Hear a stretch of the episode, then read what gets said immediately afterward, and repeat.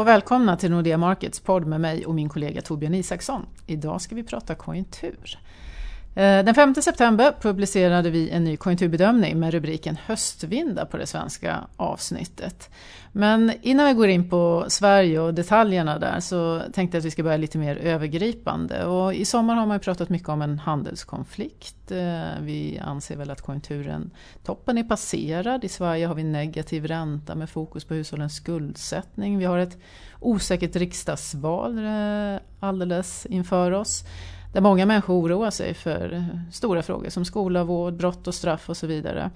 Och det är inte utan att vi också sett en svartmålning av Sverige på många håll och kanter. Är det verkligen så här illa? Torbjörn? Det ekonomiska läget är ju väldigt starkt i Sverige och har varit så i flera år. Och eh, man får ju gå rätt långt tillbaka i tiden för att hitta så hög sysselsättningsnivå som vi har i Sverige. Alltså sysselsättningen är väldigt hög i förhållande till befolkningen inkomsterna ökar och så vidare. Eh, så att, eh, Då har man också bra skatteintäkter? Får... Ja, det syns ju också i statens skattekistor som hela tiden överraskar positivt. Alltid mm. mer, kommer alltid in mer pengar till staten än vad som har legat i prognoserna. Så det betyder att Sverige har ganska bra förutsättningar att hantera de utmaningar som vi står inför? Ja, absolut. Eh, det finns ju utmaningar och ett av de större orosmomenten är hushållens skulder. Då. Nu mm. tror vi inte att den ska vara något större problem på kort sikt men i ett medelsiktigt perspektiv så är det en av de större riskerna. Mm. Eh, och sen är det ju naturligtvis eh, integration och eh, är ju viktig i många avseenden. Får man ju säga. Mm. Vi får komma tillbaks till det där. Men om vi tänker lite mer i, detaljerna på Sverige. Så många har ju också lyft fram, och när man pratar om vad vi har framför oss, att vi har en lågkonjunktur. Men vi pratar mer om en avmattning. Kan du förklara? Ja, när vi eh, ekonominördar pratar konjunktur så menar vi egentligen resursutnyttjandet och hur det förhåller sig till ett normalläge. Och inom de senaste åren så har vi haft ett resursutnyttjande som är högre än normalt. Alltså arbetslösheten kan man säga då har varit lägre än normalt och sysselsättningen har varit högre än normalt. Och, eh, maskinparken i industrin har utnyttjats på ett, eh, fullt ut så att säga. Och det faktum är att i vår prognos så i stort sett så kommer vi att ha ett, ett resursutnyttjande som är högt och till och med lite högre än normalt, även om tillväxten dämpas. Så att, vi kommer från ett starkt utgångsläge och, och eh, eh, det gör att även om tillväxten dämpas så är det rätt bra fart, full snurr så det är därför i det är svensk höst, ekonomi. höstvindar istället för höststormar. Det är mildare avmattning helt enkelt. Precis, precis. Eh, vi fick ju BNP-siffror innan vi kom tillbaks, eh, eller ja, du hade kommit tillbaks efter sommarsemestern, eh, som var starka för andra kvartalet, en tillväxt på över 3% Men när man tittar på detaljerna ser det inte riktigt lika bra ut. Kan du berätta för lyssnarna vad det är som du bekymrar dig för eller vad det är för svaghetstecken som du ser i siffrorna? Ja, eh, det som de här kärndelarna i Eh, i eh, BNP-utfallet det var ju då i stort sett som förväntat till exempel hushållens konsumtion eh, och investeringarna. Och investeringarna var till och med lite grann lägre än väntat. Det som, var, det som egentligen var det mest iögonfallande hittills i år det är att exporten har stannat av.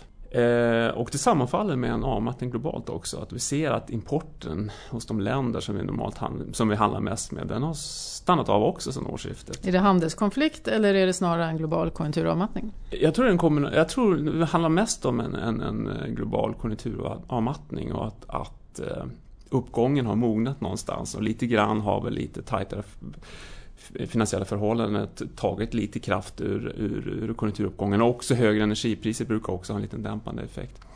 Kanske på marginalen också att osäkerhet kring handelskrig och Brexit och så vidare kanske fått en del företag att tveka och att, att det har dämpat handeln. Men jag tror det stora är snarast andra faktorer som, som, som, som är i görningen.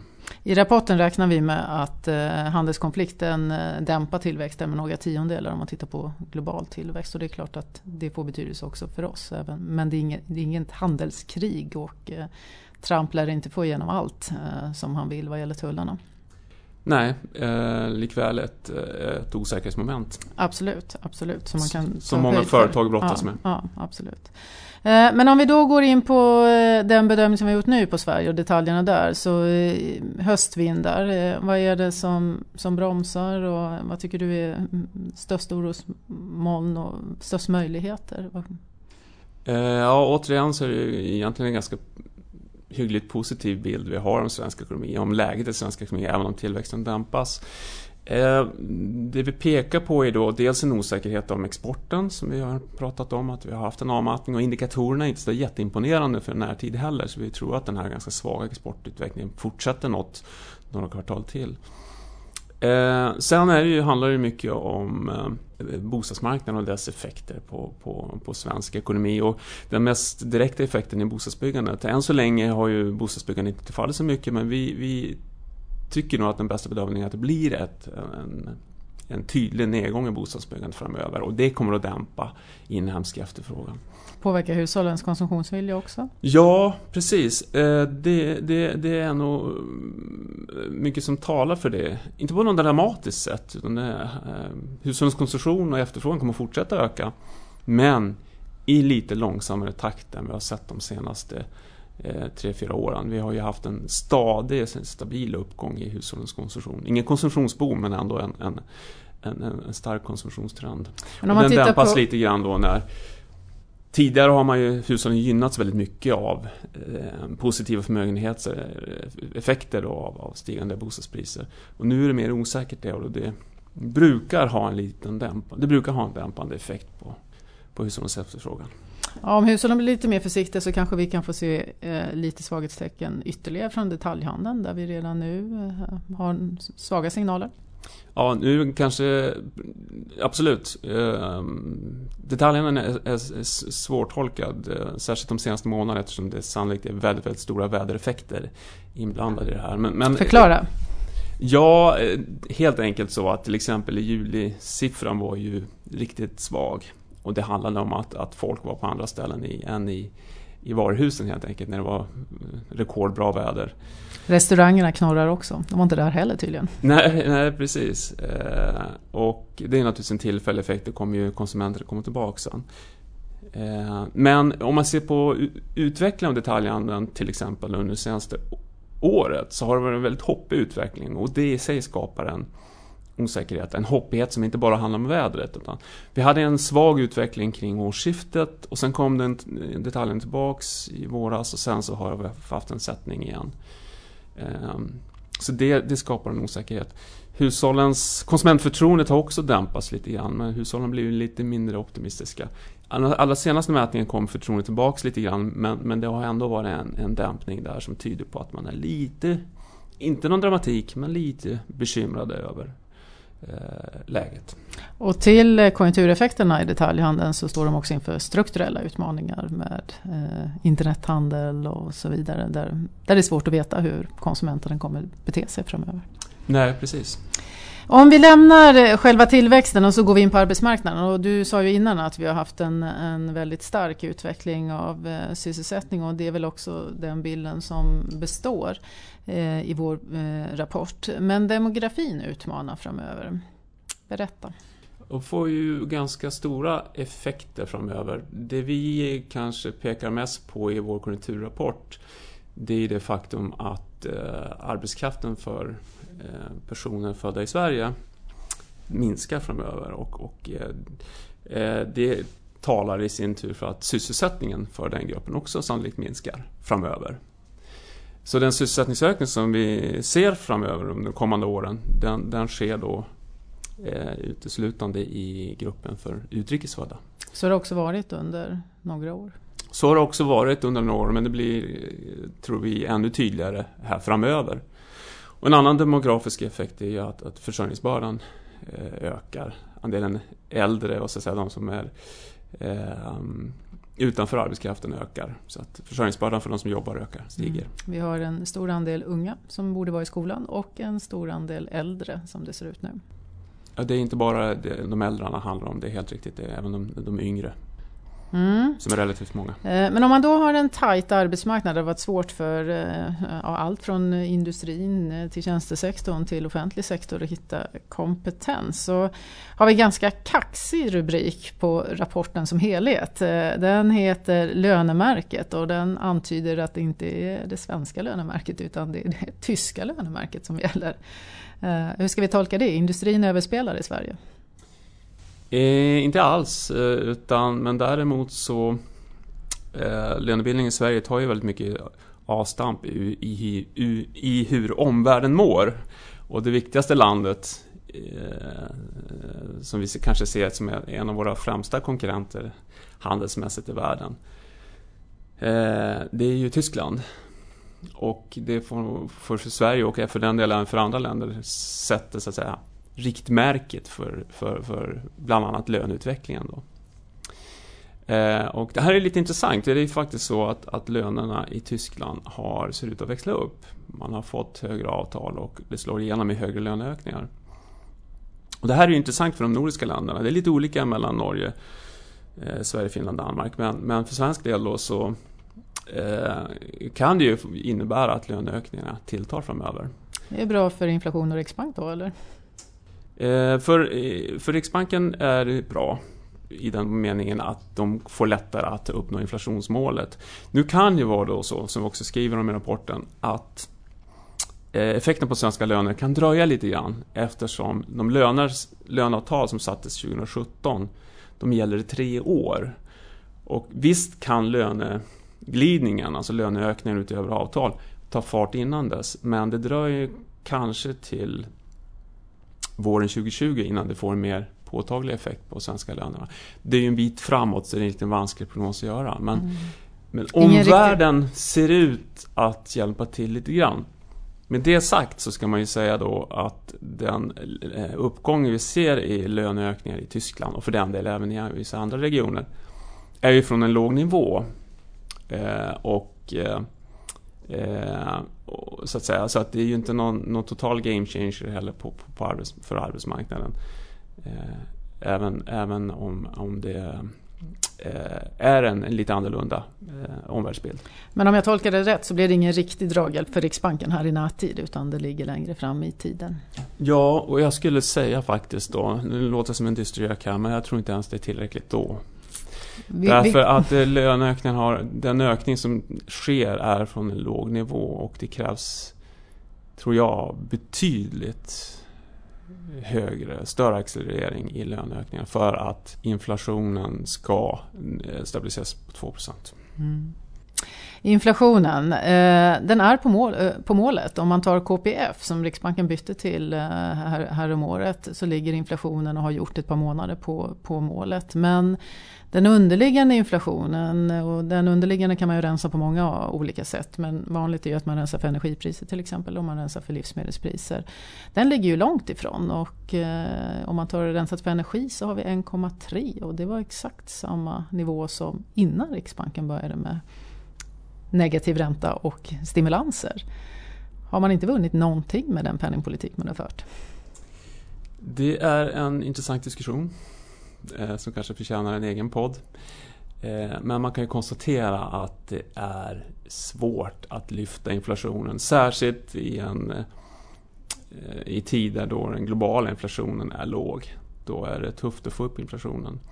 Kanske är det så att eh, Riksbanken har underskattat hur svårt det är att få upp inflationen. Man trodde nog att de här massiva åtgärderna man vidtog 2015 och i början på 2016 skulle få större effekt på inflationen än det haft. Det har faktiskt mest handlat om valutaeffekter. Eh, inte bara ska jag säga, men, men eh, till stor del.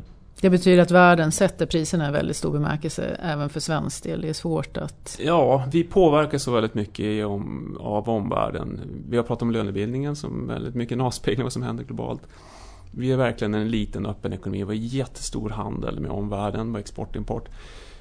Eh, och vi har en bra konkurrenssituation på hemmaplan också. Mm. Den strukturförändring som du var inne på tidigare också. I detaljhandeln där hushållen nästan hoppar över till detaljhandelsled och handlar direkt med med eh, grossister eller med andra länder via, via internet och på, på så sätt dra nytta av globaliseringen. Så det, det, det är, är, svårt att eh, det är svårt att lyfta inflationen. Men vi står inför någon form av vändpunkt. Man ser det till exempel på Riksbanksdirektionen. Det sitter sex personer där och nu är, de uppdelade i 3-3 och det är ju inte så konstigt. Eh, när, när man är på väg in mot skifte så har vi ju olika individer för att de ska bidra med olika kompetenser och eh, nu, nu står vi i det läget. Där den ena gruppen känner sig bekväm och trygg med att KPF-inflationen, alltså den som är målet, ligger på målet. Eh, och vill höja under hösten någon gång lite olika, eh, de olika tre individerna. Medan den andra gruppen där Stefan Ingves sitter och eh, som har utslagsröst tittar mer på den underliggande inflationen. Vad, vad kommer de göra? Hur ser det ut i höst? Det är, jag tror att Riksbanken inte höjer räntan. Men det, den här uppgången vi har sett energipriserna till exempel och kanske också se lite högre matpriser i spåren av den här torkan vi haft i norra Europa. Ehm, gör det lite mer vanskligt då, att, att, att sia om penningpolitiken. Ehm, när, energi, när inflationen då, inflationen är ju vad den är och den är ju på målet som du som har påpekat. Eh, så är det naturligtvis och det är den inflationen som hushållen känner av. Men samtidigt när, när, när det är en enskild faktor då, i det här fallet energi, som förklarar så mycket som en procentenhet av inflationen så, så är det lätt att den uppfattas som skör.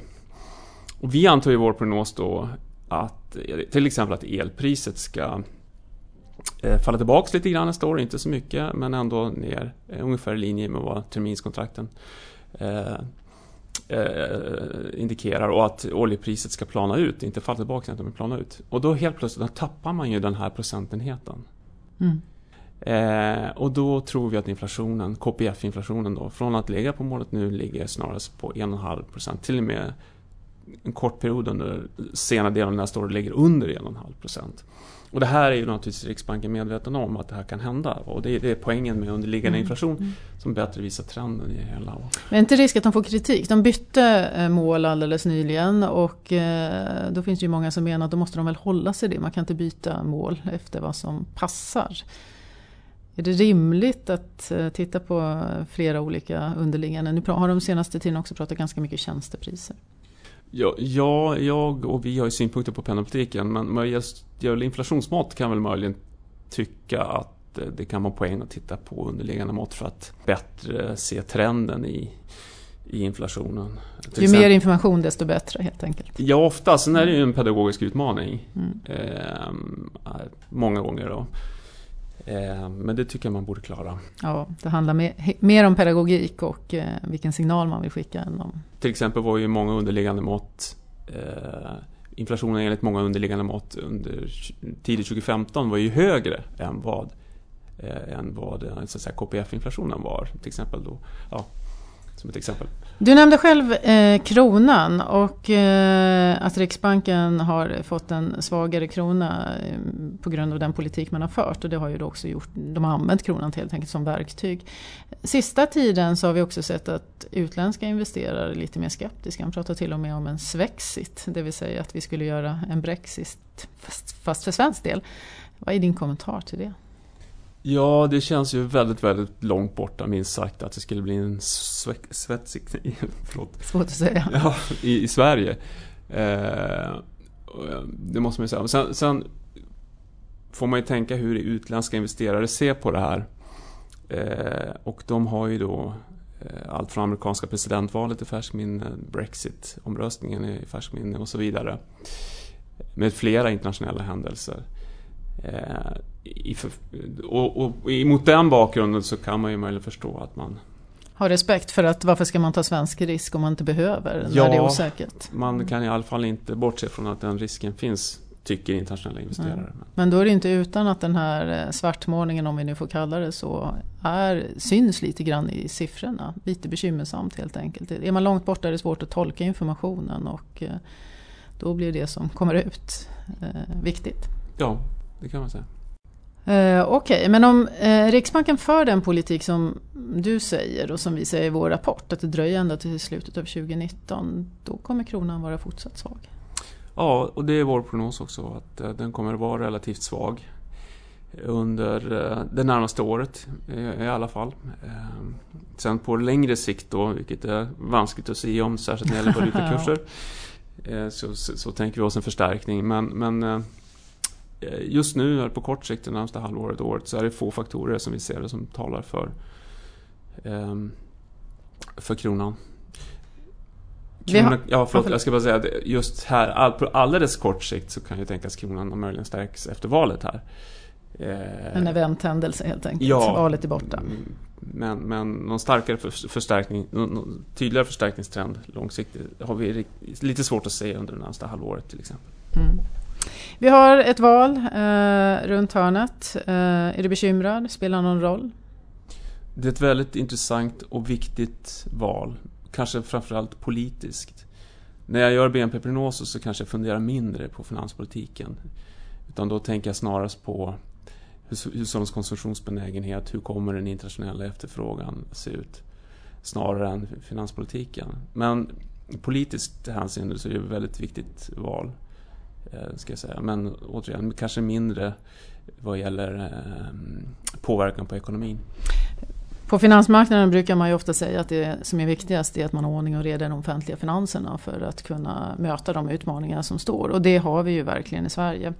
Och vi pratade på lunchen tillsammans med våra kollegor om att det kanske är ett av de val som är viktigast att gå och rösta på. Att det känns så i alla fall i det läge som, som vi har hamnat. Så det får väl vara avslutningen på det här. Att vi hoppas på ett högt valdeltagande. Gå och rösta, det är kärnan i demokratin och det är oerhört viktigt att värna den. Så. Stort tack för att ni har lyssnat och vi kommer komma tillbaka med en podd efter valet och försöka bena upp om hur det ska se ut i höst. Tack! Tack ska ni ha!